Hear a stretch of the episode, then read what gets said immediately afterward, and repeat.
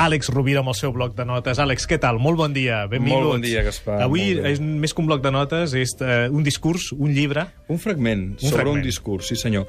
Avui el llibre del qual hem extret el fragment que, que comentarem es diu Palabras que cambiaron el mundo, paraules que han canviat el món, 50 discursos que han fet història de l'editorial Lector. És un llibre molt recomanable perquè et fa un repàs de tota la història, eh, no només la contemporània, sinó l'antiga història amb els grans discursos. I hem triat un discurs d'Elie Wiesel, Premi Nobel de la Pau a l'any 1986.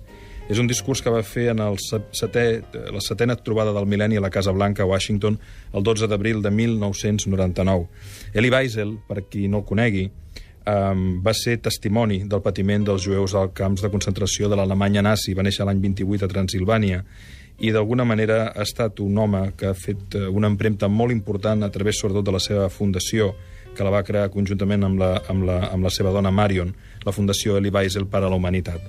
I hem triat un fragment molt interessant en el que parla d'això, dels perills de la indiferència, i ho hem triat precisament perquè cap patiment ens pot ser aliè, en el sentit de que ara estem vivint circumstàncies molt difícils i probablement hem de convocar la no resignació.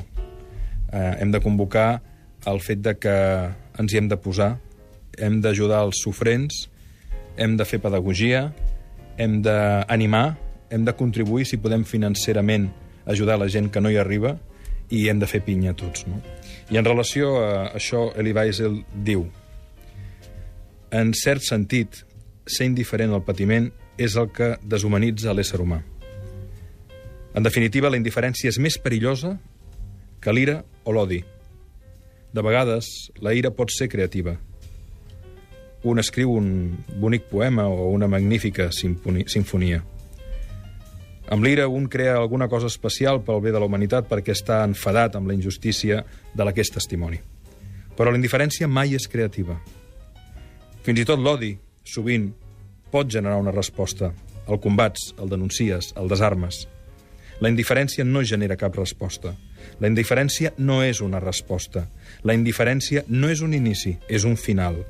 Per tant, la indiferència és sempre amiga de l'enemic. Doncs beneficia l'agressor, mai a la víctima, el dolor de la qual s'intensifica quan la persona se sent oblidada.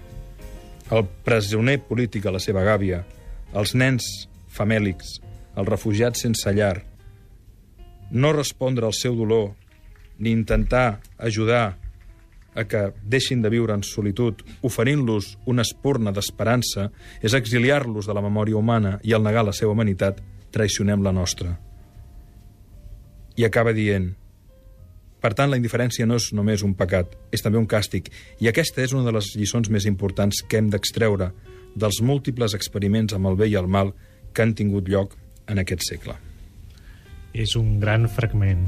És un fragment extraordinari. I no en parlem mai de la indiferència. És que per això l'hem triat, perquè fins i tot crec que seria interessant que féssim un programa Dedicat a la indiferència. dedicat a la indiferència. I tant, i tant. I sobretot el que la reflexió brillant que fa Elie Wiesel, la indiferència és més perillosa que l'ira o l'odi.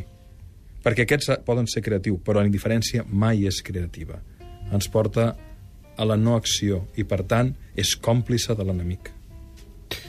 És un gran discurs, un gran fragment i, com sempre, una gran secció. El bloc de notes de l'Àlex Rovira. Ell diu, nosaltres hem triat bé per modèstia, però és un fragment que, que escull ell. Eh? Però tu em dones l'oportunitat de poder estar aquí, per tant, Encantat de la vida. hem triat, hem triat nosaltres. Són també paraules que van canviar el món i que tant de bo ens repetíssim més, no? Eh, I que, que parléssim més d'aquesta indiferència. Ho farem en aquest any que acabem de començar l'ofici Sí, de viure. ho reprendrem. Moltes gràcies, Àlex. Moltes Una gràcies, abraçada. Gaspar. Una abraçada a tots.